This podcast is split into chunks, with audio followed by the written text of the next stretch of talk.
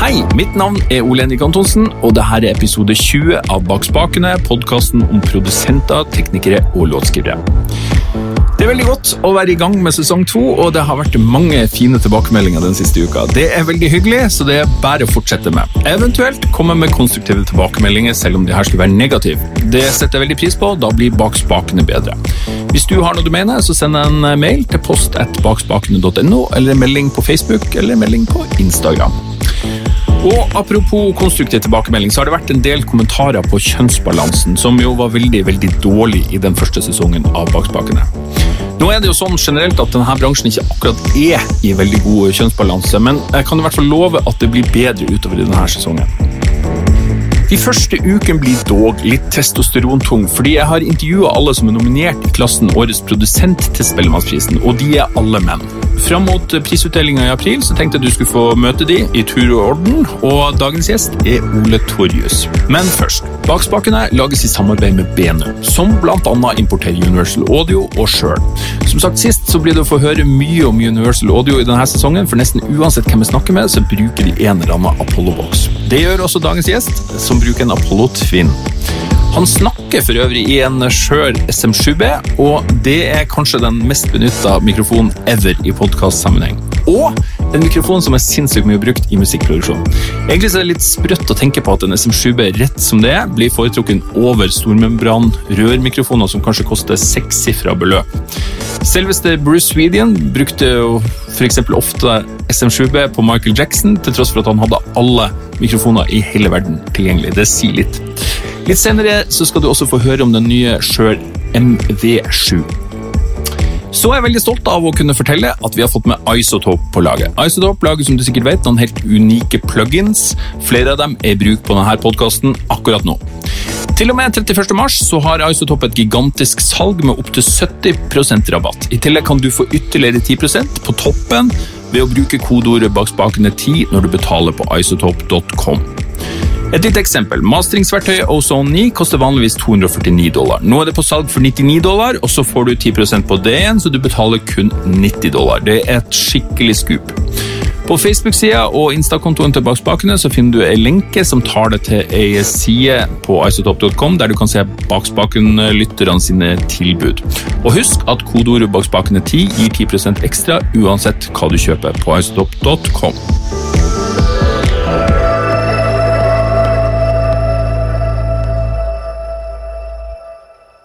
I dag så skal jeg snakke med en av de viktigste produsentene i Norge akkurat nå. Det har vært i tre-fire år i hvert fall, og det er lite som tyder på at det blir å endre seg med det første. Velkommen til Bak spakene, Ole Torjus. Oh, tusen takk. Det var, en veldig, det var en heftig intro, følte jeg.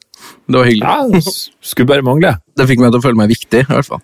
Ja, ja du, du, er viktig, vet du. eh, du har jo jobba med mange. Eh, Cezinando, Arif, Unge Ferrari, Emma Steinbakken, Emilie Nicolas, en haug andre. Ja. Det skal vi eh, dykke ned i etter hvert, men eh, først så, så må som vanlig i Bakspakken vi må, vi må finne litt ut av historien, da. Og jeg har da researcha meg fram til at du er fra Gvarv i Telemark. Yes, det stemmer. Bra jobba. Hvordan uh, hiphop og R&B sto det sterkt i Gvarv? Uh, ja, nei, kanskje ikke sånn i utgangspunktet, føler jeg. Sånn uh, som, uh, som, bygd så var det kanskje ikke så mye av det som var relevant, men jeg fikk jo min dose av det og andre ting allikevel, heldigvis, når jeg bodde der. Mm. Jeg, altså, jeg føler jo på en måte at jeg er den første generasjonen som var på internett, Ja. så det hjalp jo selvfølgelig en del. Ja, ikke sant. Eh, drev du med musikk? Spilte du instrument og sånn når du var barn? Jo, jo. eh, Jeg er eh, et sånt kulturskoleprodukt. Jeg, føler jeg ble eksponert for ganske mye musikk ganske tidlig. Eh, som barn. Jeg har blitt fortalt at jeg liksom hørte på Bjørk og Red Hot Chili Peppers i badekaret, liksom, var, eller badebaljen, når jeg var to år, eller at vi spilte en del sånne ting. Og så er det jo sånn at min far spesielt, han har litt musikalsk bakgrunn, eller han var litt sånn Han er fra Skien, eh, så han eh, var litt sånn la Ja, det blir vel Jokke-generasjonen, på en måte. Ja. Han hadde litt gitarer og en, en musikkinteresse, og det hadde jo også min mor, eh, som vel sto for pianoet i husholdningen, selv om hun ikke trakterte det. Nettopp. Musikk var det jeg drev med, eller egentlig alt jeg har drevet med. Da. Det startet liksom tidlig med å få instrumenter, type små trommer og gitarer og sånn, og så, så fort jeg kunne begynne på kulturskolen, så gjorde jeg det. Og så uh, spilte jeg en del i korps, og dreiv uh, en del uh, forskjellige bandprosjekter og sånn etter hvert. da, Så det var liksom føler, ja, det var en stor del av identiteten min fra, fra the get go. Ja, ikke sant. Eh, tidlig helter, hvem, hvem har farga deg mest musikalsk? Det er et veldig godt spørsmål. Hvis jeg skal koke det ned, så Jeg føler at Jaga har farget meg veldig mye. Det hørte jeg ekstremt eh, mye på fra ganske tidlig. Jeg tror når jeg fant Jaga Jazzist sin musikk, så gikk det liksom opp et eller annet lys. Eh, både rytmisk og melodisk, som, som jeg tror har påvirket meg veldig, veldig mye.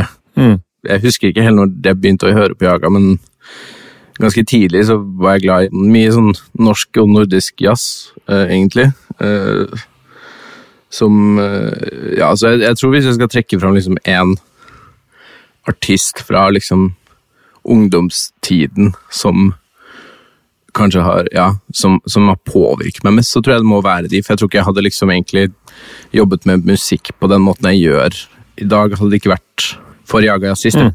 jeg liksom jeg, jeg, var veldig fascinert av eh, melodiføringene, som jo er veldig sånn unike. Men også det med liksom elektroniske trommer, da. og, og, beats og på en måte programmerte ting mm. og sånn glitchy ting og sånn, eh, som gjorde at jeg kjøpte en jeg kjøpte en sånn uh, Korg pad-kontroller, heter den. Uh, som er bare en helt vanlig midi pad-kontroller. Som jeg på en måte tenkte, som jeg syns lignet på det Lars Horntvedt hadde ved siden av trommesettet sitt, når jeg på en måte så på bilder og på YouTube-videoer. Mm. Uh, og tenkte ok Jeg har lyst til å lage sånne Ikke sant? Sånn ville glitchy breakbeats. Ehm, jeg skjønte jo ikke hvordan det ble gjort, eh, men jeg så at det var en pad med noen pads, eh, og det var på en måte det nærmeste jeg, jeg kom, så jeg kjøpte den og tenkte livet var herlig, men eh, den gjør jo absolutt ingenting annet enn å sende midi-beskjeder, så jeg brukte ganske mange år tror jeg, på å bare sånn forstå konseptet.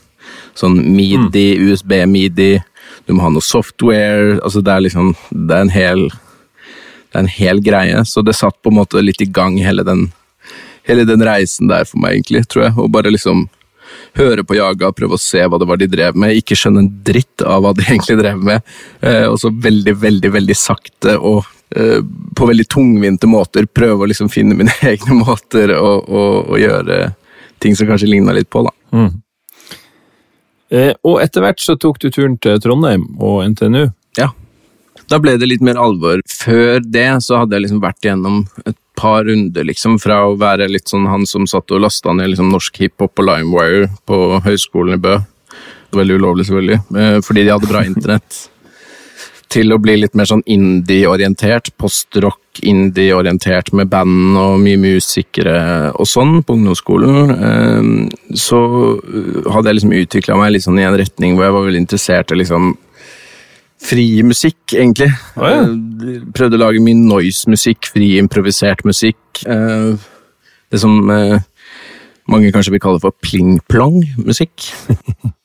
Når jeg dro til Trondheim, jeg gikk på en lydskole i Danmark, eller sånn folkehøyskole i Danmark rett før det, hvor jeg liksom studerte litt sånn studioteknikk. Men jeg, jeg, jeg, jeg, tror jeg tenkte at jeg skulle bli litt sånn ping-plong-dude. så jeg hadde kjøpt en sånn monome, blant annet. Ja. Eh, og drev og holdt litt på med Max MSP og mm. sånne type ting. Eh, så jeg liksom tenkte at det, det var liksom fett. Litt Liksom kunstmusikkveien. Så jeg søkte på musikkteknologi eh, på NTNU. Med liksom den ambisjonen, kanskje litt mm. mer. Men så, i løpet av det oppholdet, så fant jeg på en måte noe annet istedenfor. Litt sånn kanskje mot formodning. All den tid det jo er en skole hvor det er ganske mye fokus på sånne ting. På pling-plong.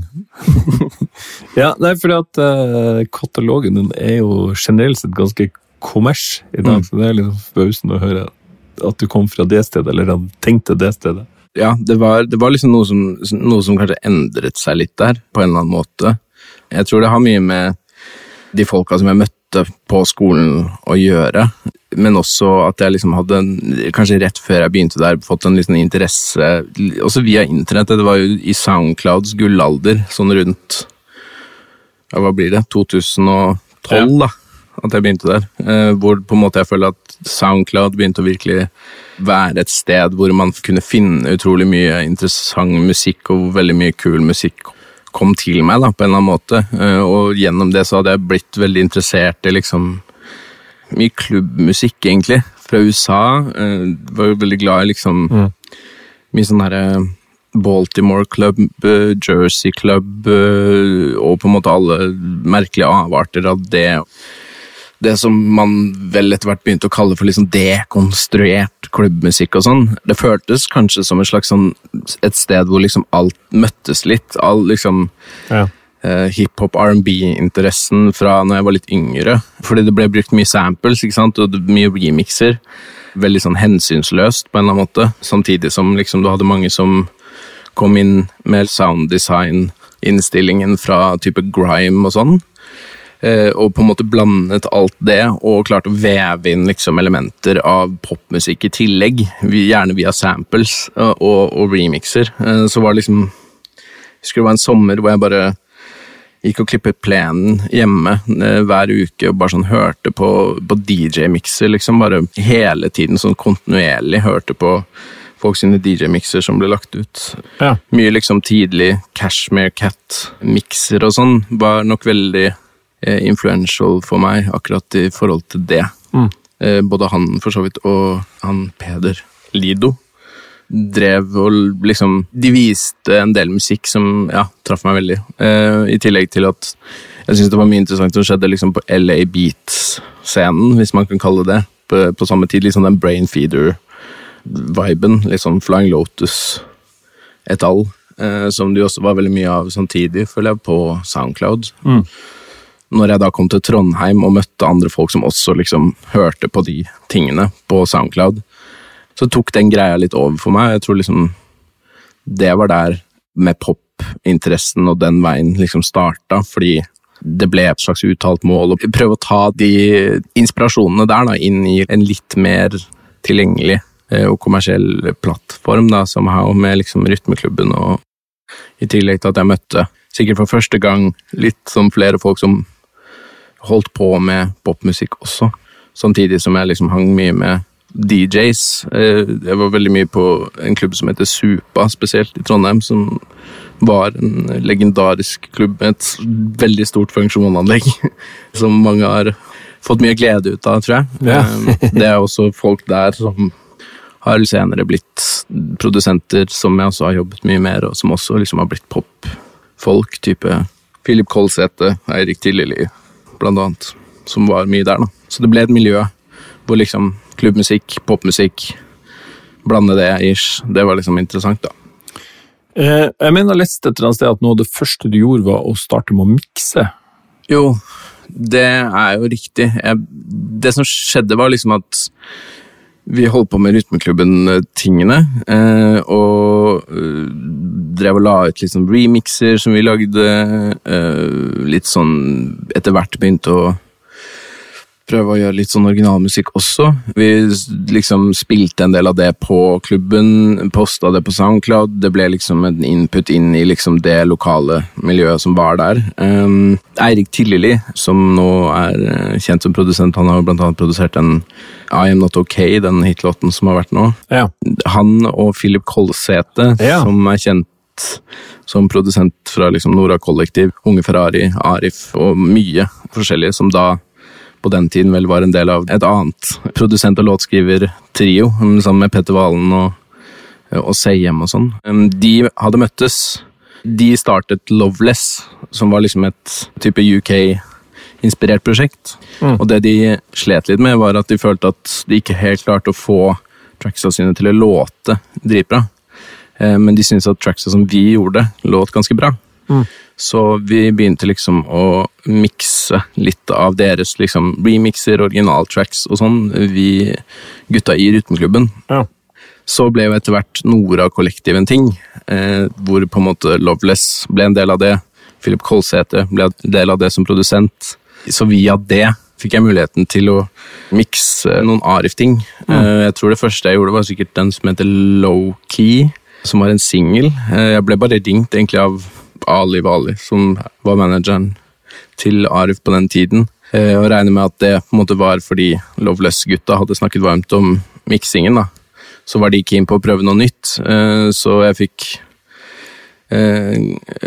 Fikk en mulighet der, da, eh, som jeg satt på skolen og liksom prøvde å få til som best jeg kunne, og levere på. Eh, det gikk tilsynelatende bra, så det endte med at jeg fikk mulighet til å mikse hele High End Asphalt-albumet til Arif. ja, det var ganske kult. Eh, Når jeg ser tilbake på det i dag, så er det egentlig helt sinnssykt eh, at det skjedde. Og at jeg takket ja til det i det hele tatt, og at de stolte på meg for å gjøre det. For jeg var jo på en måte bare en jypling som ja, jeg vet ikke, satt og surra og prøvde å gjøre som best jeg kunne, liksom. Eh, Men jeg hadde jo jeg hadde ikke akkurat tyngde på den tiden hva gjelder egentlig noen ting. Så det var ganske spess, men uh, det er veldig gøy å kunne se tilbake på, i hvert fall. Uh, all den tid det på en måte føles som en ja, ganske legendarisk eh, utgivelse da, i norsk rapphistorie. Absolutt. Og jeg har fått ganske mye tilbakemeldinger på at folk syns at det låter ganske bra også, noe som er enda sjukere, men Ja, jeg, jeg hørte på det i går, jeg. ja, hva synes du, helt ærlig, hvordan syns du det låt? Det låt kjempetøft. Det er jo ingen som skulle tro at det er en som aldri har miksa før, som har miksa det. Mm. Veldig bra. Eh, Hvor gjorde du det? Jeg hadde klart å karre til meg et slags tillitsverv eh, på skolen. Sånn type representant litt sånn oppover i systemet, som gjorde at jeg fikk tilgang til et lite kontor i gangen i, i den etasjen, eh, hvor jeg liksom skulle ha kontortid da, en gang i uken, sånn at folk kunne komme og liksom, jeg vet ikke, stille meg spørsmål om et eller annet. Eh, hvis det var noe de tenkte på, som var liksom et eh, Det var et lite kott, liksom, en glassdør og skeivt tak og et vindu, liksom, og en pult, hvor det var liksom en utlåns, sånn utstyrsutlånsperm, liksom, som man kunne komme og signe seg inn og ut av. Det gjorde jeg om til studio. I, den, i, I den eh, perioden så jeg satt liksom med laptopen min og et par monitorer og headset og sånn, og bare satt der inne også veldig mye og mikset, eh, når det ikke var ledig i, i, i studio på skolen. Da. Eh, Så det var en hustle, liksom. 100% Det var på en måte bare sånn litt fake it to make it-greie. eh, Alt inn i boksen og på en måte Ja. på en skittig laptop med Ableton på, liksom. For ja, jeg mikser Ableton, og det fikk jeg jo streng beskjed av læreren min at eh, nei, det er en dårlig idé, men det skjønner jeg ikke. Hvorfor skulle det være en dårlig idé? Nei, hvorfor skulle det? Bare tull, selvfølgelig. Ehm, ja, så det var liksom Det var en hustle um, som faen. Um, men jeg tror jeg lærte veldig veldig mye av det, da. Ja. Og klarte jo på en måte å komme til, til, bra, til et bra resultat. Mye selvfølgelig på grunn av lange telefonsamtaler og mailer med, med Aksel Karlsson, som er produsenten på den skiva. Som er en veldig veldig dyktig fyr og en god, god venn av meg den dag i dag. Og det blir liksom gøy å kunne nå ha jobbet en del på musikk med han også. Ja.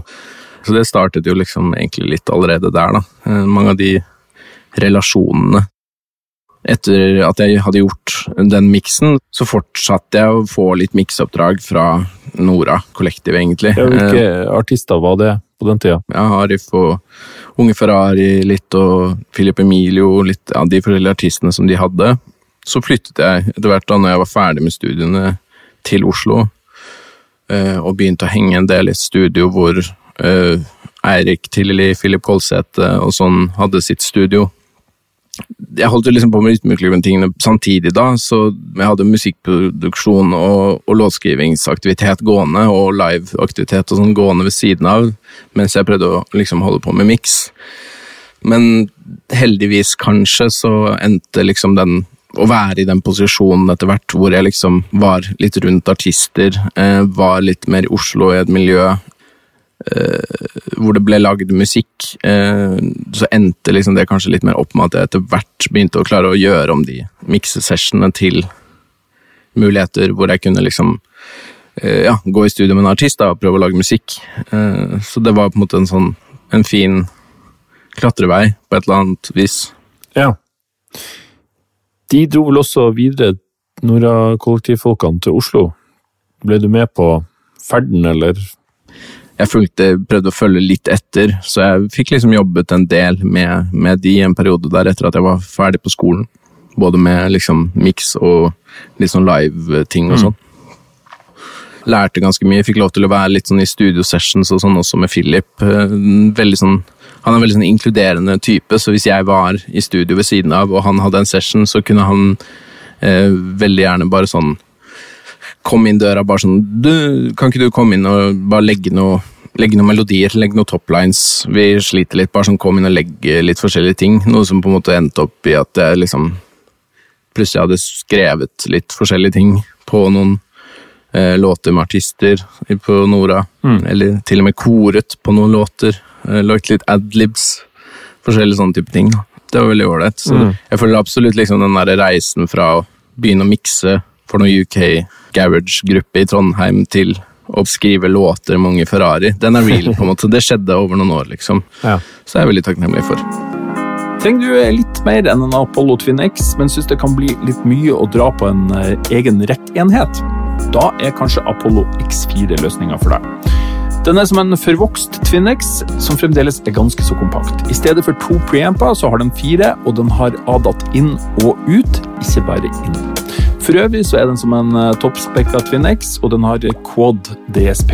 Les mer på benum.no. Hva er din rolle i en låtskrivingssession? Hva kommer du med til bordet? Det kan være veldig mye forskjellig, da. Eh, Jeg føler det avhenger veldig. Jeg jeg er veldig sånn av den innstillingen at jeg prøver å liksom være den personen som situasjonen krever at det skal være, eller fylle de behovene som, som måtte oppstå på en eller annen måte. Da. Eh, Og det avhenger jo veldig av liksom artist og konstellasjon og dagsform, for så vidt, også. Eh, Hva jeg kan bidra med, eh, og hvordan man ender opp med å jobbe. Jeg har absolutt sessions og eksempler på låter hvor jeg har liksom hvor jeg har skrevet melodi, tekst, gjort produksjon. Litt sånn alt. Så har jeg andre tilfeller hvor jeg på en måte kanskje bare har freestyla melodier. Typisk sånn eh, det eksempelet jeg hadde med Philip Kolsæte. Eh, All den tid det er liksom den måten de jobber ganske mye på, da, hvor man på en måte starter låtskrivingsprosessen etter at man liksom har fått bygd opp en, et skjelett av en beat med å liksom bare freestyle melodier og ta opp og klippe sammen, og så skrive tekst oppå det igjen, ikke sant? Ja. Eh, som jo er ganske sånn Ja, den I guess rådende moderne måten å skrive melodier på. Akkurat nå i hvert fall sånn i liksom R&B-pop-miljøet i, i Norge. Mm. Eh, og så er det andre tilfeller hvor jeg føler at det handler mer om å liksom skape en bra track eh, som inspirerer en artist til å skrive melodier og tekst. Eh, som jeg på en måte kan være med å hjelpe og tweake og sånn, da. Eh, men hvor det kommer mer, eh, mer fra artisten. Så ja, jeg føler liksom at jeg kan bidra med det som trengs litt, på en eller annen måte. Og det er jo artister som trenger og ønsker mer liksom en kollaborativ prosess i forbindelse med liksom låt, låtskrivingen. da. Eh, Men det som jeg regner som dagens liksom session-kultur, låtskrivingsbaserthet, er jo veldig sånn derivativ av liksom sånn den gamle hiphop-måten å jobbe på. Hvor man lager en track, og så skriver man oppå den. ikke sant? Og at det kanskje skjer litt sånn i nuet, der og da, og kanskje samtidig. da.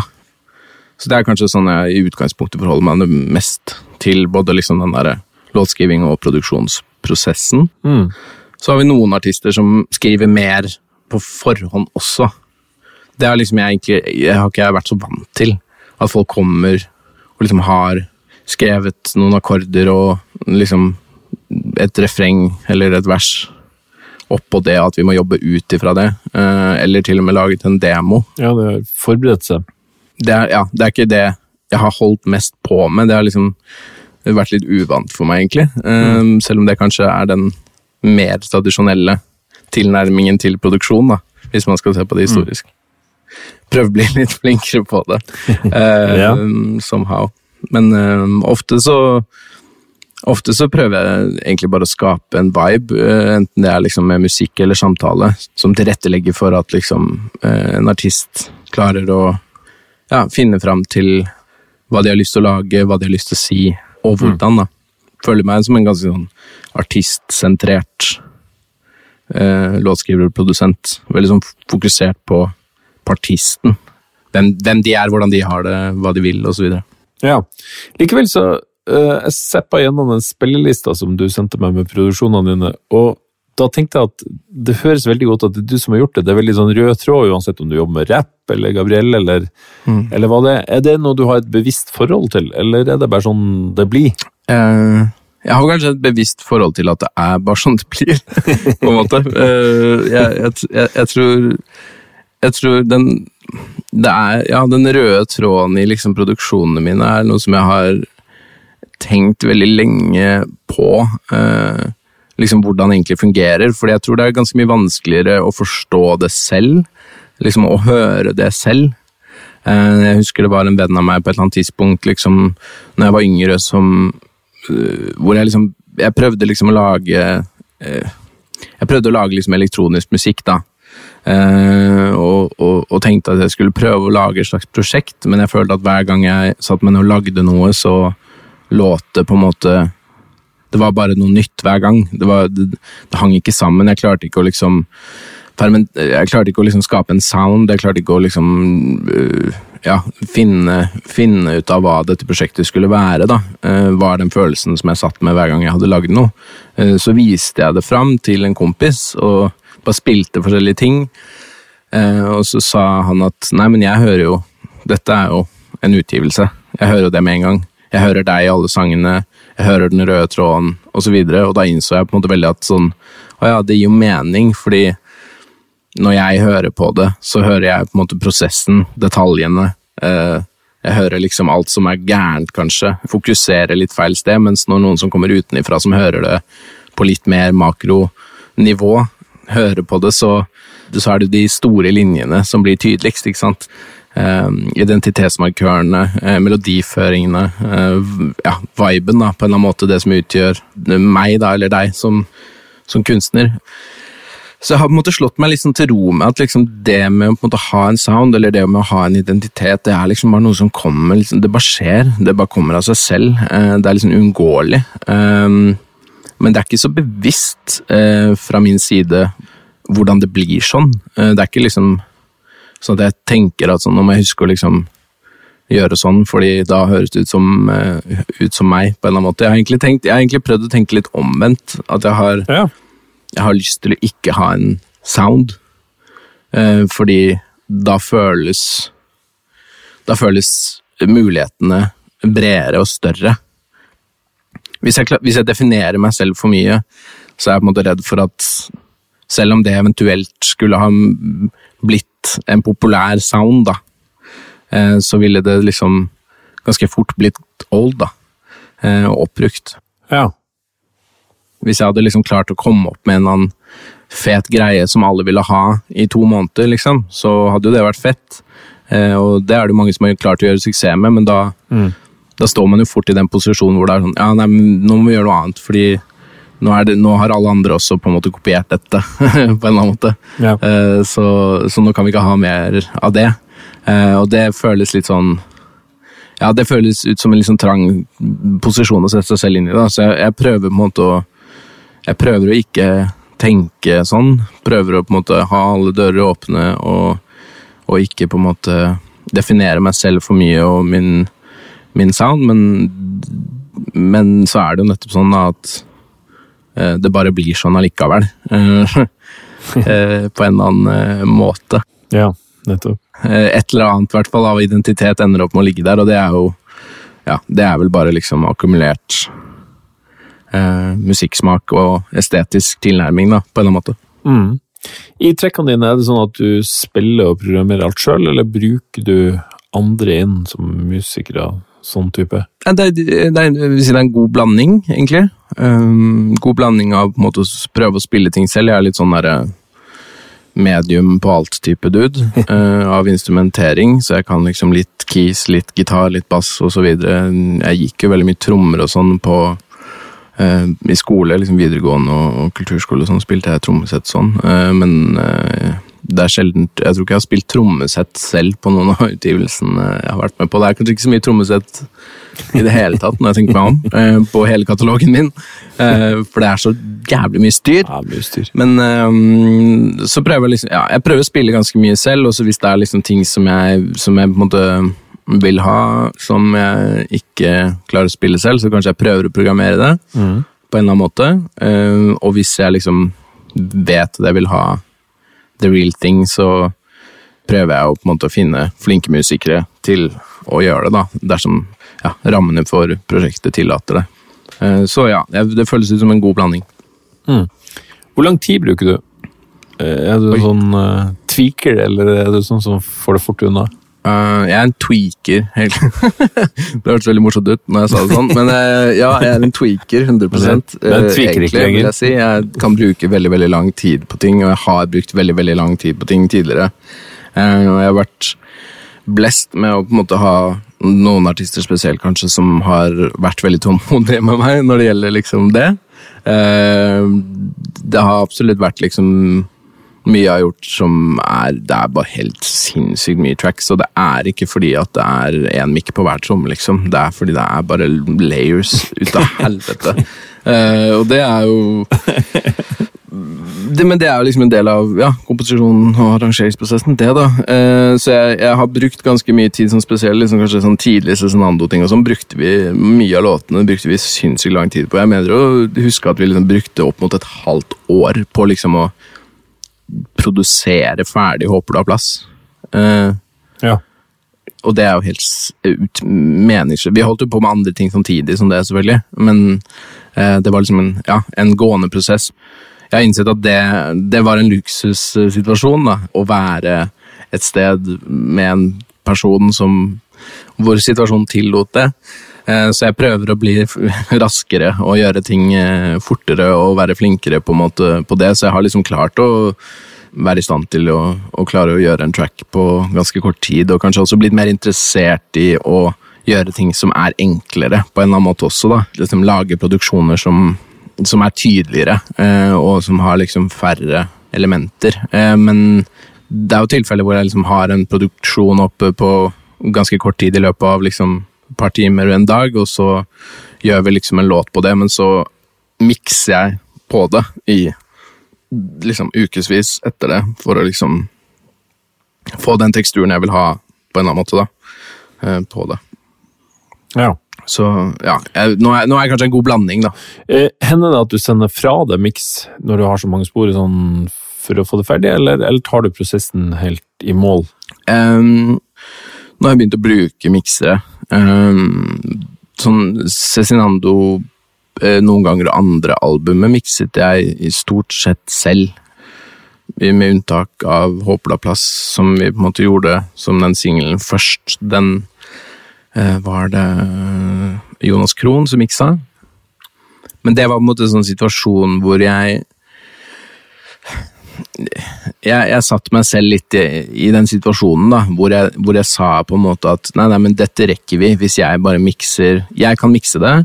Det letter på budsjettet, det gjør at tidsfristen på en måte er enklere å forholde seg til. Det var så ekstremt komplekse prosjekter som på en måte bare føltes sånn Det her kan jeg ikke gi fra meg, fordi hvis jeg stemmer ut det her nå og skal sende det til noen, så kommer det altså til å ta så lang tid å kommunisere Altså Den kommunikasjonsbiten da, man er så avhengig av at man har noen som skjønner det på en eller annen måte. Fordi det er Ja, ja. Det var så lite intuitivt produsert på en eller annen måte. Hvis du skjønner. Sånn mm, veldig esoterisk eh, og, og abstrakt, eh, og på en måte mm, ikke vanlig, da. Og det, og det er jo ikke fordi at en mikseingeniør ikke nødvendigvis hadde klart til å på en måte gjøre en god jobb, men det er liksom sånn Jeg var veldig redd for at hvis jeg nå stykker opp dette og sender det vekk, så, så kommer jeg ikke til å klare sammen med en annen person og komme dit jeg vil med det, at det liksom ender opp med å låte sånn som jeg ønsker at det skal gjøre, for det er liksom ikke noen tydelig referansepunkt, føler jeg.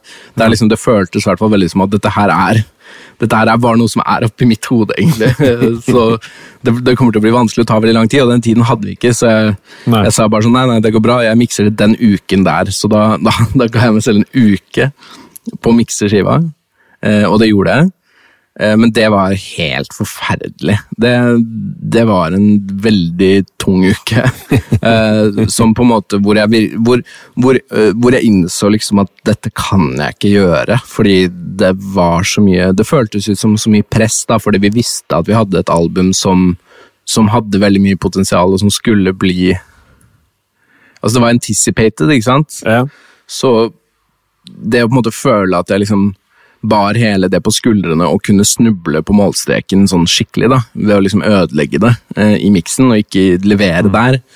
Det var så stress. Eh, det var en så tung eh, følelse eh, at jeg bare etter det så sa jeg vel til meg selv at dette skal jeg prøve å aldri gjøre igjen. Fordi det føles ikke sunt. Eh, så etter det har jeg jo liksom blitt flinkere til å bruke miksfolk. Det har på en måte begynt å prøve å etablere relasjoner med, med miksere og liksom finne min måte å forholde meg til det på, da. Uh, somehow. Mm. Uh, så i dag så, så betyr jo det i utgangspunktet at jeg mikser veldig mye selv. Altså sånn på de tracksa uh, som vi gjør. Bruker ganske mye tid på å på en måte prøve å komme så langt som jeg klarer for å liksom sementere det uttrykket jeg ønsker å ha, så mye jeg kan, sånn at det blir så tydelig som mulig. Og så bouncer ganske få stems med liksom alt av prosessering på. Mm. Sånn helst bare sånn kanskje 20 eller noe. Mm. Uh, og så liksom Og så ta det videre til en mix engineer derfra, da, og på en måte tweake videre på det på en eller annen måte, og ikke Istedenfor å liksom bygge det ned, og så bygge det opp igjen. Mm. Du føler deg kanskje trygg på at det du sender fra deg, er så tydelig at, at, det lander der du vil? At det ikke tar en helt annen vei? Ja, jeg tror det også Og så føler jeg meg på en måte også trygg på at liksom når jeg har jobbet såpass mye med det, og har liksom øh, satt det såpass mye, så, så, vil jeg uansett klare å kommunisere med mix-ingeniøren på en eller annen mm. måte, da. Jeg kan sende veldig, veldig, veldig lange uh, mails og ha lange samtaler uh, om om lyd med, med miksere, på en måte, men det føles på en måte ut som at så lenge jeg klarer å i kommunikasjon eh, liksom forbinde følelsene jeg er ute etter, med liksom noe som relaterer teknisk, da. Um, og liksom ja. legge det fram og forklare det på en god måte, uh, så skal man klare å komme dit. Men jeg tror det er liksom veldig viktig at man jobber med, med riktig person. Uh, en person som liksom skjønner litt grunnleggende det utgangspunktet man har, de estetiske idealene man har, eh, og som man klarer å prate veldig bra med. Mm. Hvem er det i ditt tilfelle? De siste utgivelsene som jeg har jobbet med nå, så har jeg jobbet med, med en som heter Simon Dolmen Bergseth, som er ja. veldig flink, eh, og som er kjent veldig lenge, egentlig siden før han begynte med Mix. Det første prosjektet vi gjorde sammen, var et godt stup i et grunt vann. Altså den siste Cezinando-skiva. Ja hvor jeg følte liksom, ok, nå må vi La oss prøve det her. liksom. Jeg, jeg er interessert, jeg føler viben. Jeg føler at han er en ung, en ung moderne eh, mikser, på en eller annen måte. Mm. Som forstår liksom veldig godt liksom sånn eh, moderne estetikk, på en eller annen måte, og som på en måte har eh, the newest tools of the trade, som er effektiv og profesjonell, og som jeg også kan kommunisere bra med. Så vi starta på det prosjektet, og det gikk veldig bra. Så jeg er veldig glad for å kunne nå stort sett egentlig alltid jobbe med, med han, da. Og utvikle en relasjon, fordi mm. jeg, Eller jeg føler i hvert fall det, da, at det er ganske viktig for meg å ha en relasjon med de folka som jeg jobber med på, på lyd. da. Som nevnt i starten så er Skjør SM7B en legendarisk mikrofon både til kringkasting og musikkinnspilling. Det har den vært i veldig veldig mange år, og den holder fortsatt godt stand som en klassiker. Men nå har Skjør også laga en moderne variant, som på utsida ser tilsynelatende ganske like ut, men den har langt flere egenskaper. For i tillegg til å være en vanlig mikrofon med XLR ut, så har den også innebygd lydkort, som betyr at du kan plugge den rett i en Mac, PC eller en telefon. Den har også en mini-jack-utgang som gjør at du kan koble til hodetelefoner. På mikrofonen så finner du kontroll for gain, lytting og demping, og via et medfølgende program så har du mulighet for autogain, kompresjon, EQ og lagre innstillinger. Best av alt så koster den veiledende 3195, altså betydelig mindre enn SM7B. Sjekk den ut på benum.no. Du er 28 år. Jeg blir 29 neste uke. Blir det det? Ok, da er du nok eh, 29 når det her høres. Ja, sikkert. Eh, Men allerede for tre år siden så ble du kåret som årets produsent under Spellemann, og nå er du nominert igjen. Gratulerer med det. Um, har du tenkt på hvordan man kommer seg, eller hvordan du har klart å komme deg i den posisjonen? Ja. Uh, ja, ikke sant. Det er jo Det er jo et eh, et vanskelig spørsmål. Det er vel det spørsmålet alle stiller seg, på en måte. Eh, både de som har fått det til, og de som ikke har fått det til, føler jeg. Eh, fordi det kommer på en måte ganske ut av det blå, for min del. ikke sant? Det er sånn, akkurat liksom sånn steget fra å liksom begynne å jobbe med artister liksom alene som produsent og låtskriver, til at jeg fikk ganske mye suksess. Det gikk jo veldig fort. Eh, Og det liksom sånn kjedelige svaret på det er jo selvfølgelig at det er en del tilfeldigheter som spiller inn. på en eller annen måte da, At jeg, klar, at jeg møtte Cess, liksom, i det hele tatt. Det er, um, er på en måte At jeg endte opp i studio med han, er liksom en, et resultat av en serie med hendelser som på en eller annen måte ikke henger sammen, ikke sant? Mm. Uh, men jeg, jeg føler at det fins noe å hente her allikevel av lærdom. Jeg tror liksom sånn Hvis vi backtracker tilbake til liksom miksingen min, da, og det at jeg på en måte endte opp i den situasjonen, eh, så er jo det et resultat av å si ja til ting som jeg absolutt ikke burde si ja til. Altså punch, punching above your weight, som de sier, ikke sant? At det, det kommer en forespørsel. Kan du gjøre dette? Kan du hjelpe med dette? In the back of my mind så er det liksom sånn Nei, jeg, ikke, jeg kan jo ikke det. Eller sånn, jeg, jeg, er jo ikke, jeg, jeg er jo ikke riktig person til dette, jeg er ikke fit for dette. Jeg er ikke erfaren nok til å gjøre dette. Um, men fuck it. Jeg sier ja, og så må jeg bare gjøre det. Uh, pushe gjennom det. Uh, lære meg det jeg må underveis. Hvis det er noe jeg ikke får til, google, fucking gå på YouTube. Bare sånn lære alt. Prøve å finne ut av det. Bruke mye tid. Bare sånn legge, legge alt liksom i det, da. Um, kanskje det går bra, og hvis det går bra, så har jeg både lært noe og satt meg i en litt bedre posisjon. Så jeg, jeg føler liksom at en del av å komme dit jeg har kommet nå, har vært å si ja til ting eh, som jeg kanskje sånn Hvis jeg har prøvd å zoome ut, ikke kanskje burde ha sagt ja til, da, på en eller annen måte. Ting som kanskje er litt over min eh, eh, mitt eget sånn min egen følelse av skill level, og kanskje der jeg er, da. Eh, hvis man får en mulighet, i hvert fall. da. Og det kan man jo på en måte altså Det er selvfølgelig å få muligheten til å mikse en Arif-skive i det hele tatt er jo liksom Man må jo være i en av posisjonene allerede da for å få den muligheten, på en eller annen måte. Men igjen så er jo det bare et resultat av at jeg drev og lagde noen remixer og la de ut på SoundCloud med kompisene mine, Ja. som noen andre DJs i byen hørte og syntes låt bra. Så det er jo sånn sett Det kan jo alle gjøre. Eh, Så jeg tror liksom at det å bare lage ting og, og putte seg selv ut der på en eller annen måte som man selv er komfortabel med, og som liksom representerer deg på ekte, da, eh, er viktig. Være seg sjøl og liksom gjøre, gjøre det, da. Sånn eh, eksponere de tingene man, eh, man gjør, og så, hvis det oppstår muligheter ut av det, takke ja til de.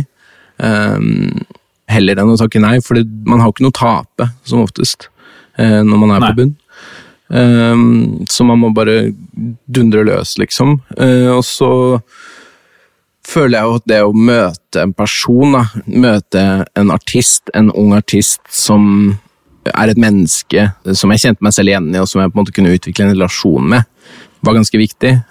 Jeg og Cezinando møttes på en måte litt sånn på et tidspunkt i livet hvor jeg tror liksom begge to de hadde ikke noe særlig penger, vi hadde det dårlig kjærlighetslivet, liksom alt var litt uh, tungt, da. Uh, På sine respektive forskjellige måter. Ja, ikke sant. Alt lå til rette for å lage god musikk. Det er det, ikke sant? Så det eneste vi gjorde, var liksom å dra i studio, eh, egentlig, føler jeg. Eh, og bare lage ting, eh, og bli kjent og snakke sammen. Eh, og ut av det så kom det ting som resonnerte med andre, da. Eh, det er jo ikke gitt at eh, folk skulle eh, resonnere såpass mye med de tingene som vi gjorde, som, som de gjorde, selvfølgelig. Det, det vet man aldri, men jeg tror liksom det å ja, prøve å søke et annet veldig genuint sted, da. eh, For hvorfor man lager det man lager, hvorfor man gjør det man gjør, og hvor, med de folka man gjør det med, da, er, er litt sånn eh, Er litt key, da, for å på en måte skape magi. Um, og jeg tror liksom Ja, det er jo lett å bli litt sånn lost, kanskje, da, i Spesielt i dag. Det er så mange som gjør det, eller som prøver å gjøre det. Og det er så mange som på en måte skal fortelle deg hvordan man skal gjøre det, og folk sitter og ser på hundrevis av YouTube-kanaler hvor det på en måte er folk som forteller, seg, forteller deg liksom sånn Yeah, you gotta, you gotta network, og you gotta send your beats uh, like this, og du liksom må gjøre sånn og sånn og sånn. Og på en måte bli liksom veldig opptatt av å gjøre alt korrekt. eh, Og på en måte sånn finne liksom kunnskapen man må ha. Finne veien, da uh, utenifra, istedenfor å bare sånn sette seg ned og prøve å lage noe som, som kommer fra hjertet. eh, og se om det er noen, enten artister, label, publishere, eh, låtskrivere, kompiser, foreldre, altså hvem som helst egentlig, som, som resonnerer med det, da, og som på en måte som føler noe. Det høres ut som et veldig godt råd. Og det liksom, det føles kleint, fordi det er sånn som folk sier, som på en måte kan være ganske demotiverende også, fordi folk sier sånn her, ja, nei, uh, good music will always find a listener, eller et eller annet sånn her tull, og så er det sånn, ah, det, det føles så overfladisk, ikke sant? Det er ikke Men sant. det er, det, det- er ikke sant, fordi det er masse bra musikk som ingen hører på der ute, liksom. Men det er til syvende og sist ikke noe annet du kan gjøre. Fordi hvis ikke du har hvis ikke, du har, hvis ikke du lager bra musikk, så har du i hvert fall ingenting å komme med. da. Nei. Ikke bruk masse tid på liksom business eller liksom mingling og networking og på en måte sånn prøve å fremstå som en eller annen sånn derre Fremstå som om du er en suksessfull uh, låtskriver eller produsent, og på en måte fokusere såpass mye på liksom optics at du glemmer hvem du er, og liksom hvor du kommer fra, og hva du har lyst til liksom hva du har lyst til å kommunisere. da. Ja. Det er lett å liksom gå seg vill, da, tror jeg, i dag. Eh, men jeg tror jeg fant meg selv litt i, i en situasjon hvor jeg på en måte ikke kunne gå meg vill, for jeg var allerede lost. Mm. Så det å på en måte bare ha en sofa å sove på og et studio å gå til, og det var de rammene jeg hadde, gjorde at ja, det eneste jeg satt igjen med, var, var den musikken da, som vi prøvde å lage. Og Det bare måtte bli bra. det, det ble bra. Eh, Og Ja. mye flaks involvert, selvfølgelig, men hvis du skal prøve å sette deg i posisjon, gjør det med musikken, og drit i alt det andre. Det tror jeg Det er, ja, det er key, syns jeg. Veldig bra ord. Eh, har det noe å si hvor du bor? Du kommer fra et lite sted, og så flytta du til nå skal jeg fornærme alle trønderne altså en, en middels norsk småby, eh, og nå bor du i Oslo. Ja, men det, altså, det er jo klart det har noe å si, da. Um, men det hadde jo noe å si for meg at jeg dro til Trondheim også, ikke sant? og at jeg var der. Ja. Før det så hadde jeg vært i Bergen, tok opp videregående i et par år i Bergen. Eh, og der klarte jeg ikke å møte noen. Og det hadde sikkert med at jeg gikk på videregående å gjøre, og var en liten kid, liksom. Men der klarte jeg liksom ikke helt å connecte med noe scene, eller liksom sånn møte folk ordentlig. Um, det har sikkert med meg selv å gjøre også, for så vidt, at jeg ikke klarte å liksom ja, være sosial nok. Ikke med bergensere. Nei, nei, kanskje ikke. Selv om jeg er veldig glad i bergensere, da. Men jeg, men jeg var nok litt uh, for sjenert, rett og slett. Um, samtidig som Bergen er et sånt sted hvor jeg føler alle har kjent hverandre siden de gikk i barnehagen. ikke sant? For det er liksom veldig mange som bor der, som har bodd der hele livet, i motsetning til Oslo, Ja. hvor på en måte folk kommer fra overalt. Uh, så det er liksom jeg tror det, har, jeg tror det gjør noe med Mm. miljøer. Men samme det, for så vidt. Uh, poenget mitt var vel at liksom når jeg kom til til Trondheim, eh, så var det en del forutsetninger som lå der som gjorde at jeg møtte litt forskjellige folk eh, som drev med musikk, eh, og det spilte en rolle, fordi da kunne jeg snakke med dem. Og så når jeg kom til Oslo, så hadde jeg liksom noen relasjoner som jeg hadde bygget opp derfra, som jeg liksom fortsatte å ha. Og det å på en måte være bare sånn i rommet, plutselig, når en artist går inn, fordi ja, det er det studioet du også er i, liksom. Det, det er klart det gir muligheter, men det er 2020, da. Nei, nå er det 2021, faktisk. Ja. Og jeg tror nok det har åpnet seg veldig mye. At det er enklere å sende, liksom, sende ting og faktisk sånn få til ting eh, med folk, selv om du bor et annet sted. Jeg jobber blant annet en del med en eh, veldig flink ung kar som heter Marcel Bazima, som eh, har blitt signa på Nora. Han bor i Steinkjer. Eh, han er 18, nei 19 og bor i Steinkjer, sikkert hjemme hos foreldrene sine. Men han har bare sendt beats og loops og samples til meg, til Aksel, sikkert masse artister, til liksom alt mulig folk. Ganske lenge, når jeg tenker på når jeg fikk mail fra han første gang.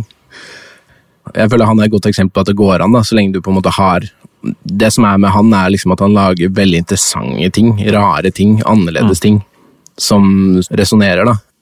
Og som liksom gjør sånne folk som meg og Axe interessert, tror jeg. Fordi vi får jo en del beats og sånn fra produsenter, unge folk, som på en måte ja, har lyst til å etablere eh, en relasjon, men ofte så er det jo litt sånn ok, men ja, det, det, det er kult å stå på, liksom, men det er kanskje ikke Det er ikke så interessant nødvendigvis, alltid. I hvert fall ikke for meg. Eh, Men Du kunne kanskje gjort det sjøl like så godt. ja, jeg, jeg, jeg kunne gjort det selv, eller jeg kunne på en måte Jeg kunne betalt fem dollar for det på en eller annen subscription-tjeneste, liksom. Um, men det er jo en del av prosessen, så det, det, det er noe det er ikke noe galt i det, men det er liksom sånn Og det og det er ofte veldig ting som er veldig korrekt, på en eller annen måte. Ja. Um, mens Marcel, han, han Han sendte de rareste tingene. Liksom bare sånn der, eh, merkelige samples, og på en måte bare sånn hva er liksom bare sånn jælprosesserte ting som på en måte var bare sånn Å, men dette her er jo interessant, ikke sant? Dette her kan man jo bygge videre med, og han her tør, og han, han har lyst til å liksom lage noe annerledes og noe nytt. Som gjør at jeg liksom blir interessert og har lyst til å snakke med han og liksom bare sånn finne ut av hvem er du, mann? Hva er det du holder på med? Og så viser det seg selvfølgelig at han bare sitter i Steinkjer og lager beats på skole-PC-en sin i FL med liksom iPhone-plugger, liksom. Og, og lager de vakreste, merkeligste ting, da. Eh, så det er, Ja. Og det er sånn, det kan jeg kjenne meg så igjen i. da. Eller det er sånn der, åh, jeg blir sånn der, Ja. jeg blir helt varm om hjertet bare av å tenke på, tenke på det. da. At han at Ja. han bare sitter på et litt sånn gudsforlatt sted uten noe utstyr i det hele tatt, liksom. Sånn virkelig null utstyr, da.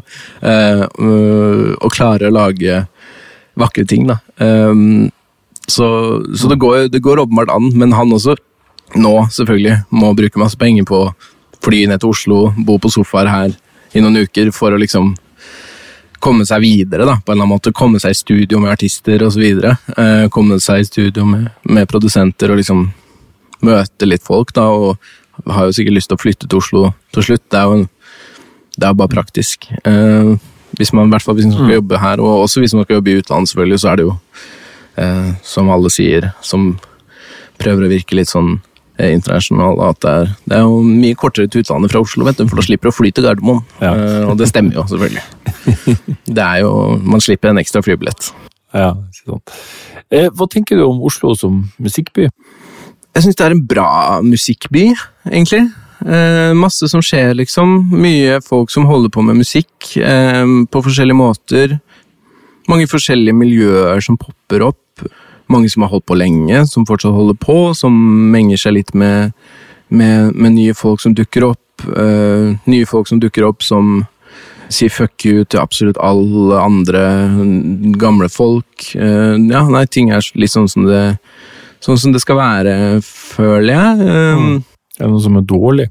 Det er jo klart at det er en boble, Mm. på en eller annen måte. Nåløyet for å komme gjennom med noe nytt er kanskje litt smalt i Oslo og i Norge, kanskje generelt. Fordi at det er så lite, tenker du? Ja, det er det jeg tenker. At nisjene blir så trang? Det det er vanskelig, og det er vanskelig å på en måte, og det tror jeg er liksom en sånn realization som jeg har slitt med litt sånn egentlig hele livet, det med å liksom skjønne det, den, den koblingen der, da, at, eh, at det er vanskelig å på en måte få oppmerksomhet rundt nisjer når det ikke er nok folk i, uh, i landet til å liksom utgjøre en nisje Mm. uh, på en eller annen måte. Og en kritisk masse. Ikke sant? Så, du, så det, er liksom, det er liksom både òg, men det, akkurat det med hvor mange folk det er her, det kan man liksom ikke gjøre så mye med. da. Um, men derfor oppstår jo kanskje mer nisjene på internett, ikke sant? fordi Ja. der er det jo som kjent jævlig mye folk. Eh, Ja.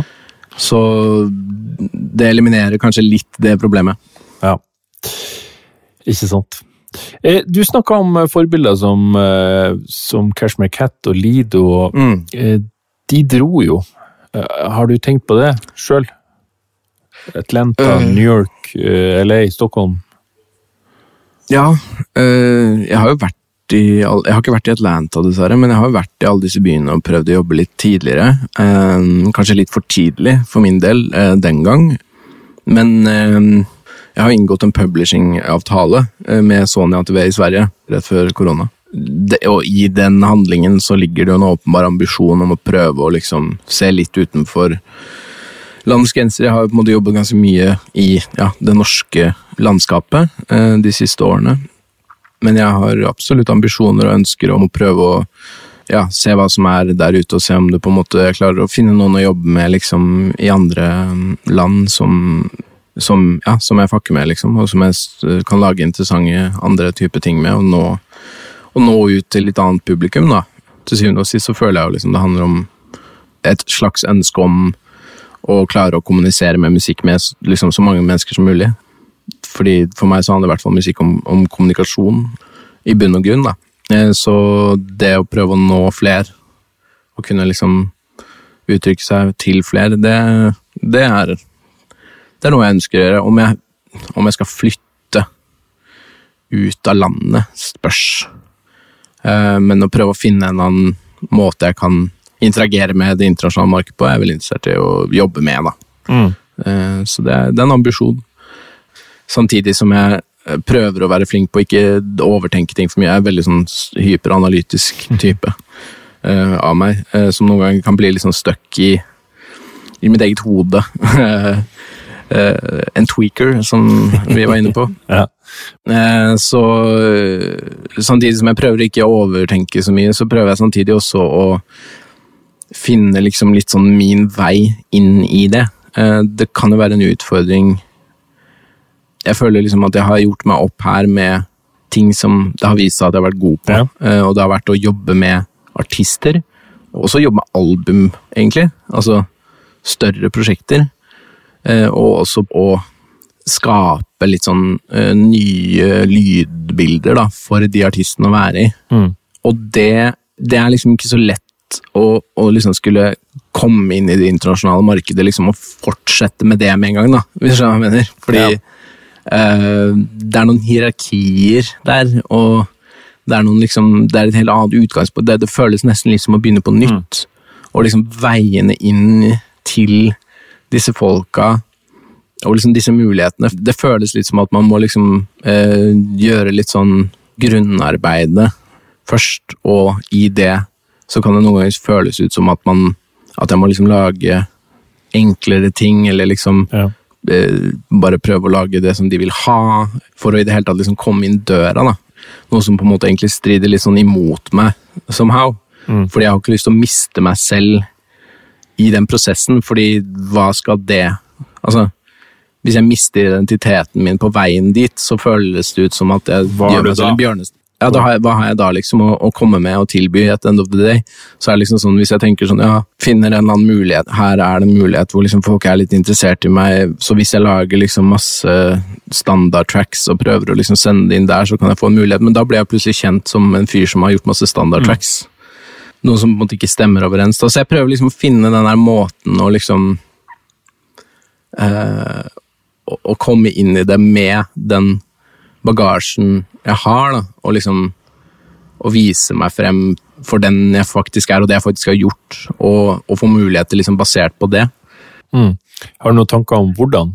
Det er lettere sagt enn gjort, spesielt også når man har gjort ting som er på norsk, da, sånn som med Cess og Gabby og sånn.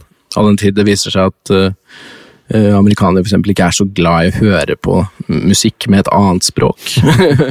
Eh, og spesielt kanskje ikke rappmusikk og sånne type ting. det- Eh, noen ganger så blir det Jeg har liksom vært borti folk og hørt om folk som eh, nesten kan bli fornærmet av å høre rap på eh, et annet språk enn amerikansk. Eh, men, eh, men jeg tenker samtidig sånn at man må bare prøve, liksom, å- å sende liksom sånn Senest i går så skulle jeg sende litt eksempler på produksjonsverdien min og liksom sånn lyddesign-ting da, som, som jeg har gjort til en A&R for noen ganske store internasjonale snikskryt der. internasjonale folk. Ja, og, og da, da, var, jeg- da ble jeg litt sånn herre ah, Men eh, jeg merker at det, liksom, det sitter litt inne. da Kan jeg sende liksom Cezinando-låter, for eksempel? da? Eller blir det liksom off-putting? Men jeg tenker liksom at det er jo der jeg føler jeg har gjort det mest Kanskje det mest altså sånn Et godt stup er kanskje der jeg har liksom gjort det mest interessante produksjonsvalue-messig Mm. til nå. Så jeg må på en måte bare håpe at de at folk liksom klarer å høre forbi, eller liksom enten sette pris på og klarer å liksom sånn forholde seg til musikk på norsk, da, og høre på produksjonen og på en måte sette pris på det allikevel. Det skal jo være mulig. De sier jo at musikk er et universalspråk. Ja. Så får vi håpe at det stemmer. så. Ja. Eh, Jeg, jeg syns det er veldig veldig fett at din generasjon at dere bygger opp kompetanse i Oslo. Jeg, jeg, jeg syns det er fint at dere blir. Eh, Tidligere så har det vært sånn at med en gang folk har fått litt suksess, så har de hatt en tendens til å reise. Da. Mens nå så virker det som vi kanskje kan få beholde litt av den her kompetansen, og det tror jeg er veldig bra for fremtida og videre ettervekst. Mm. Og så syns jeg det er veldig bra sånn kommersiell bevissthet. Altså, du, du, du er inne på det litt tidligere at, at du ønsker å nå ut til, til så mange som mulig. Tidligere så har det jo, i hvert fall tidvis i Norge, vært sånn at det skulle du for all del ikke si. Eh, men det synes jeg er veldig fint med den nye generasjonen. Ja, yes, vi skal ut der. Vi skal Selvsagt skal vi få veldig mange streams på Spotify. Jeg tror det har endret seg litt også, og det har sikkert bare med tiden å gjøre, på en eller annen måte, fordi popmusikk har blitt mye mer eh, variert. da. Det har blitt en mye sånn bredere smeltedigel eh, nå enn det kanskje var tidligere. Hvor parametrene for hva som kunne være populærmusikk, kanskje var smalere for 10-20 år siden enn de er nå. Nå føles det på en måte ut som at man skal prøve å tilføre noe nytt, da, og at man skal prøve å gjøre noe som er litt rart, men hvis man klarer å liksom pakke det inn på en måte som er eh, consumable, føles ut som et uh, forferdelig ord, men av mangel av bedre, da. En kommersiell eh, pakke, da, eller liksom en, noe som kan appellere til eh, ikke så trente lyttere, da så er det kanskje litt som veien til suksess. Så jeg føler liksom popmusikk generelt er litt der nå. eh, og det syns jeg er veldig kult, da, og, og ganske inspirerende. At jeg føler at det er det folk er interessert i. Folk er interessert i å høre nye ting. Både liksom bransjefolk, men også liksom lytterne. da, De er interessert i å få nye ting, og det tenker jeg jo nok er et resultat av at uh, man har blitt mettet uh, litt, men også at det er mye bredere tilgjengelighet da, uh, for forskjellige typer uttrykk. Sånn sett så, så, så tenker jeg liksom at popmusikk er på et veldig bra sted, samtidig som det noen ganger føles ut som at alt høres veldig likt. Ja. Det er bare fordi at popmusikk er noe som Det beveger seg liksom både fort og sakte på samme tid. Jeg husker jeg liksom hadde en refleksjon om Hvis du sammenligner liksom musikk og memes, da. En meme er kanskje populær i liksom 16 timer før den liksom har mutert. Og enten blitt noe helt annet, eller blitt liksom uh, replaced av et eller annet, uh, en ny ting, da, ikke sant? Og det er liksom en del av kulturen, og det beveger seg så utrolig fort uh, og endrer seg ekstremt kjapt, mens, mens memes i musikk, hvis du, hvis, du, hvis du fanger hva jeg mener med det, altså trender da, i, i musikk og i popmusikk, føles noen ganger som det beveger seg veldig veldig sakte. da, der man, sånn, man blir hengende Ja. på det samme droppet i liksom et år, da, eller den samme liksom type låt, liksom sånn basert på et eller annet som har vært populært. da. Eh, Ja. Eh, og jeg syns det er interessant, egentlig, men det handler vel bare om at det tar veldig mye lengre tid å skape og distribuere eh, eh, popmusikk da, enn det gjør å på en måte skape og distribuere en meme. Men det er det, der er det noe som jeg syns er interessant. Fordi der har du jo også liksom eh, rappmusikk da, fra forskjellige steder i verden som en motkultur eh, på en måte, som har blitt veldig veldig populær, og der du har liksom de samme tendensene. Hvor du liksom har populær amerikansk rappmusikk som er på toppen av chartsa, og som driver mye, og hvor på en måte man gjentar ganske mange av de samme trendene for å liksom mette et marked.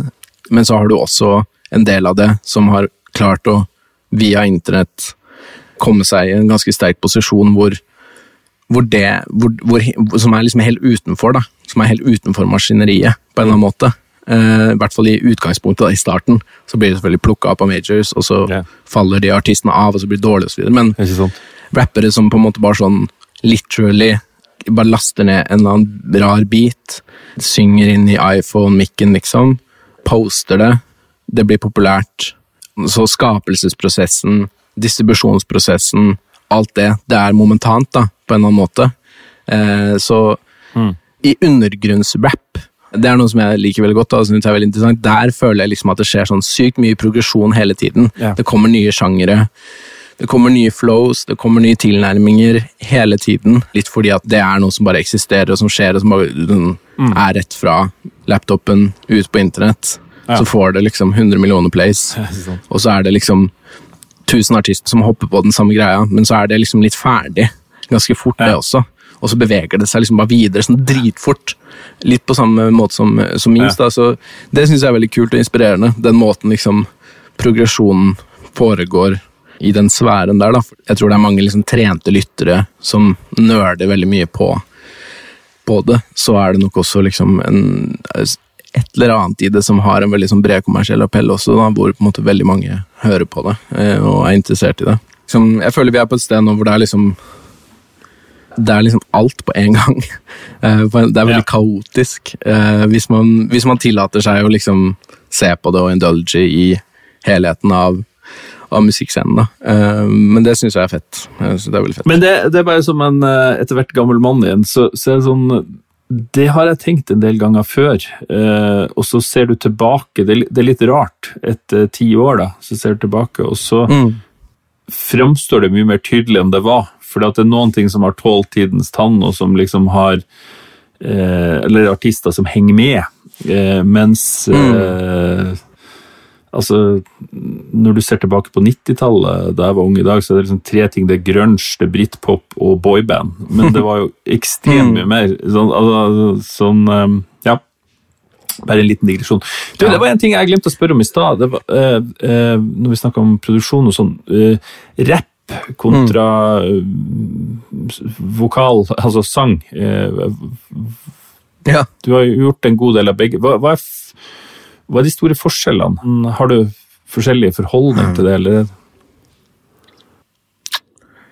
Nja Jo, ja Jo, for så vidt. Eh, jeg føler kanskje at eh, med sang så Eller ja, med, med sang, med synging, eh, syngesang, så er det liksom ofte litt mer at man skal liksom produsere vokal, hvis du skjønner hva jeg mener. Um, Ja.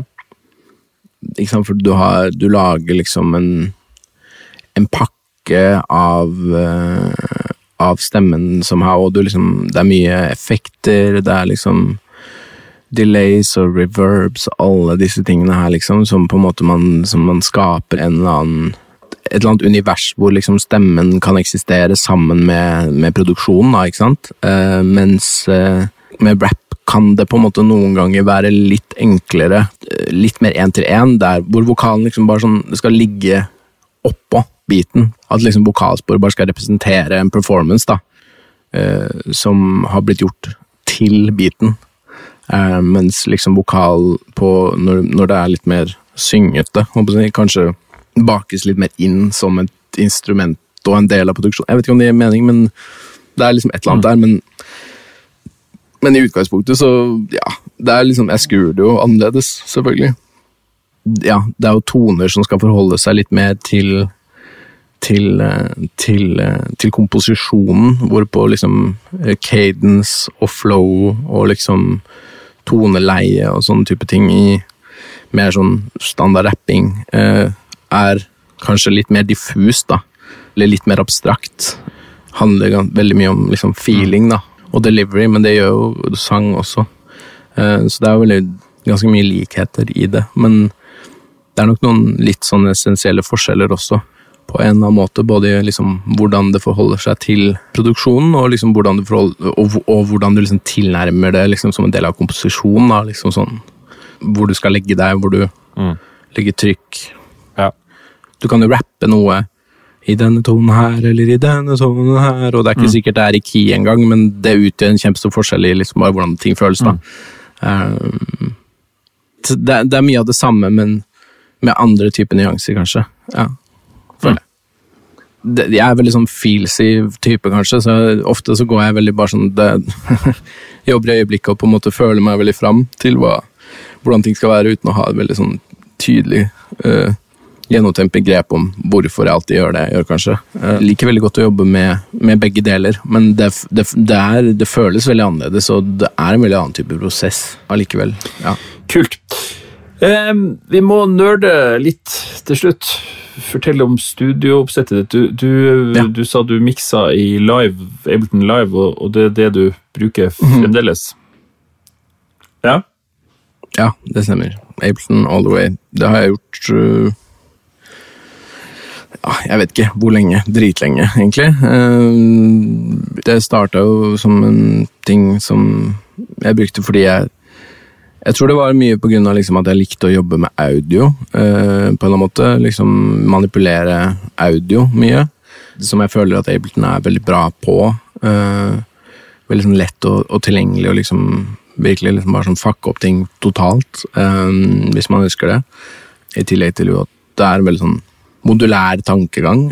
Og så har jeg liksom også gjort miks der, og helt eh, back in the days. Kanskje absolutt liksom ikke optimalt for det, på noen som helst måte, men det har nok blitt bedre med, med årene og oppdateringene, på en eller annen måte, selv om jeg kanskje noen ganger føler at de oppdateringene til live går ganske sakte. Det er jo først nå i eh, 2021 at vi skal få komping i Ja. Um, og og play, liksom playlist-tracking og sånn. Eh, Som føles eh, Det er sånn jeg blir kjempeglad, men samtidig sånn ek ekstremt forbanna eh, for at det kommer. Fordi det er, det er så sjukt at det ikke har kommet før, på en eller annen måte. Så jeg har jo måttet etter hvert, etter hvert når jeg liksom begynte å tracke vokal og sånn, og tracke liksom jobbe mer på den måten, så måtte jeg absolutt finne noen ganske sånne teite workarounds for å emulere på en måte hvordan det fungerer i, i liksom Pro Tools eller i Logic, eh, hvor det på en måte det med å tracke vokalen er uhyre simpelt med playlist og komping og sånne ting. Så det har jo vært litt awkward, litt, eh, litt weird og litt eh, tungt for prosjektene. Men det har gått bra, jeg tror liksom sånn det, ja, det representerer meg ganske bra, bare all den tid jeg alltid har lagd ting og prøvd å finne måter som er kjempetungvinte og unødvendig vanskelige um, for å få til ting på, som på en måte da kanskje forhåpentligvis har resultert i et litt annerledes resultat enn det jeg, var, eh, det jeg prøvde å kopiere og åpne. Eh, så jeg sitter jo liksom, sånn som nå, da, jeg fortsatt, jeg, jeg har fått betaen på Live 11, eh, men jeg har ikke nytt nok operativsystem på Mac-en min til å bruke den enda, eh, fordi jeg henger igjen i hva det er på, sånn derre 10-12 eller annet sånt der, det heter vel Sierra, Jeg er dritgammelt, jeg, har liksom, jeg klarer aldri å oppdatere Mac-en min, fordi jeg er alltid annet, midt i et eller annet prosjekt, og så blir jeg dritredd for at det skal gå til helvete, mens jeg liksom holder på med et eller annet da. Eh, så tracke- tracke-prosessen min er liksom literally å ha masse spor, Ja. og så bytte track arm når det looper. Hvis jeg skal liksom loope eh, eh, en ting, og så kompe med å liksom gå gjennom og skru av og på de forskjellige sporene, kopiere, og så liksom samle det på et nytt spor. Så supertungvint. Eh, miksemessig så har det blitt veldig mye bedre etter at liksom de, man kunne ha grupper inn i grupper. Fordi det har jo på en måte gjort at Ableton har fått et veldig veldig sånn ekstremt lettvint og chill eh, liksom bussesystem. da, eh, Hvor man liksom bare kan ja, lage busser opp og busser opp og busser opp og busser. Eh, som jeg syns er veldig herlig. Um, ja, så Det satt også ganske langt inne, gjorde det ikke det? Jo, det, det, gjorde, det gjorde jo det, men jeg tror liksom Ableton bare har bestemt seg for å være noe annet, eh, på en eller annen Mm. måte. Prøve å liksom ikke bli bare enda en av de davene, men liksom prøve å forholde seg til en litt mer nisje-crowd eh, av eh, folk som driver med mm, ja, mye selvfølgelig sånn syntmusikk, og folk som bruker det til som den, så, bruker det som det modulære systemet, som det jo strengt talt eh, er når du koker det ned. Eh, og på en måte fokusert veldig mye der, men så har det jo blitt mer og mer populært for liksom eh, popprodusenter og rap-produsenter og sånn. Nå i de siste årene så har det liksom Jeg tror det har tatt inn på ganske mye folk som jobber i Logic. Jeg tror det er mange som har bytta Ja, Faktisk. absolutt. eh, til Ableton, fordi de har sett liksom mulighetene man har, da. Spesielt det med liksom manipulering av audio. Så jeg vet ikke, kanskje de tenker at nei, den markedsandelen der, den vil vi bare ignorere, den vil vi ikke ha. Um, eller så har de gitt etter og tenkt at nei, men faen heller, det er det blir for dumt. Um, så ja, det blir jo det blir chill når det blir chill å få live 11 ordentlig opp og stå, fordi det, um, ja, det vil gjøre livet mitt ekstremt mye enklere, for å si det veldig mildt. Mm. Hva med hardware? Er det noen bokser og instrumenter du bruker? eller? Ja, nei, altså Ja, jeg bruker jo Jeg bruker litt hardware, selvfølgelig, uh, men det er litt sånn Bare sånn det som er tilgjengelig. Sånn der jeg eventuelt måtte være Ganske mye av karrieren min har måte sånn hoppet veldig mye sånn rundt i forskjellige studioer. Ikke sant? Ikke nødvendigvis hatt liksom mitt eget sånn veldig etablerte sted med liksom sånn full on utstyr. Det er egentlig noe som jeg prøver å bygge nå. For jeg har fått meg liksom et ganske sweet, ganske svært rom som jeg har blitt glad i. Som jeg på en måte sakte, men sikkert prøver å liksom stacke opp. Men opp igjennom så har det vært veldig mye bare sånn i boksen. Og hvis det har vært noen synter der, så har jeg liksom tracka de og prøvd å gjøre noe med det, liksom. Og hvis det har vært noen gøye mikrofoner der, så har jeg liksom prøvd det. Og hvis det er noen eh, kompressorer og preamper som ser spennende ut som jeg kan gjøre det gjennom, så har jeg liksom brukt det. Men sånn i utgangspunktet så føler jeg liksom ja, Mac-en min og Apollo Twin liksom er det viktigste her inne, og det kan jeg jo på en måte sånn sett bruke hvor som helst. Eh, men eh, jeg har en Juno her, og så har jeg litt gitarer og basser og, og sånne type ting. Jeg har litt høyttalere. Akkurat nå så har jeg mye Tannoy-høyttalere. Ja, Eh, jeg ser det. jeg har et par med Tannoy Gold 8 som jeg har kjøpt, og så har jeg også kjøpt et par med Tannoy Arden Legacy. Som er noen sånne svære 18-tommer dobbel coax-monstre av noen høyttalere som, eh, Kult. Som jeg rett og slett bare gønna på med. Fordi jeg har et såpass svært rom at jeg var keen på å bare sånn ha et eller annet som bare kan spille skikkelig gjennom, og som kan utnytte bare sånn all den luften som er her inne, og som kan fylle rommet. Eh, jeg syns liksom rommet er nok også en av de liksom eh, instrumentene som, eh, som jeg har, som, veldig, som, som betyr ganske mye, da, bare fordi jeg er liksom veldig opptatt av av eh, vibe, på en eller annen måte. Jeg har liksom vært i mye studioer som har vært veldig sånn studiorom, liksom, og studiostudioer, men jeg, jeg har aldri vært helt sånn komfortabel med det. Jeg syns det er litt sånn jeg vet ikke, jeg får litt sånn klaus, eller det, hvis det blir for dødt og det blir for sterilt, så jeg vet ikke, jeg får liksom ikke jeg får ikke så mye energi av det, så etter å på en måte ha gjort sånn som sikkert mange har drevet med, og liksom reist mye rundt og liksom bare sånn satt opp litt sånn adhoc-studioer i stuer og i hus og rundt omkring i, i leiligheter og forskjellig, som eh, liksom hele skiva til Cess nesten, den forrige Et godt stup, er nesten ikke spilt inn i studio i det hele tatt. Det er på en måte bare Nei. sånn kjøkkenet til Cess, eh, stua hjemme hos foreldrene mine, hytte i Sverige osv. Så,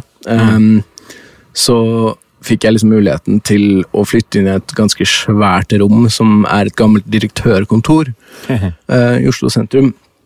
Eh, med litt sånn eh, freda, mørkt treverk på veggene. Det er en sånn svær safe i veggen her. eh, Wow. Og det er ganske mye plass. Så da tenkte jeg liksom at det jeg har lyst til å gjøre, er å prøve å bygge liksom et sted som ja, kanskje føles litt mer som en stue, da. Fett. På en eller annen måte, og som er ganske spacious, sånn at liksom folk kan ja, at det fins forskjellige steder å chille, at det er plass til å på en måte gå rundt og bare sånn sitte her, der. Um, gjøre forskjellige ting, ha en samtale der, kanskje flere ting som kan skje samtidig. og At man kan hygge seg, liksom, og ha, at, det er, at det er god stemning. Uh, så Derfor så, så, skjønte jeg at liksom, jeg trenger noen svære høyttalere, sånn at hvis jeg vil, så kan jeg liksom fylle rommet med lyd. da Med alle disse, Jeg vet ikke hvor stort Det, det er sikkert nesten sånn 60 kvadrat. Det er ganske svært rom. Ja.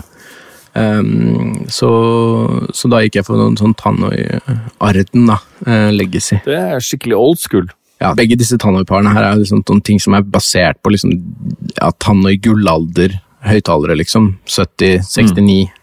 til 75, liksom. Uh, og gjør en veldig god jobb med å på en måte representere det, føler jeg, med bra kvalitet. Så ja, veldig happy med det. Uh, bruker det ganske mye. Um, ellers er jeg også liksom veldig glad i å, å, å, sitte i headset. da. Uh, jeg bruker sånn Audioteknika, hva er det heter, M50X, tror jeg det heter. Så noen ganger sitter jeg her inne med svære rom og gigantiske dyre høyttalere og på en måte tar meg selv i å sitte i et par headphones til 1000 spenn, liksom. Og tenke mitt om det. Men um, ja.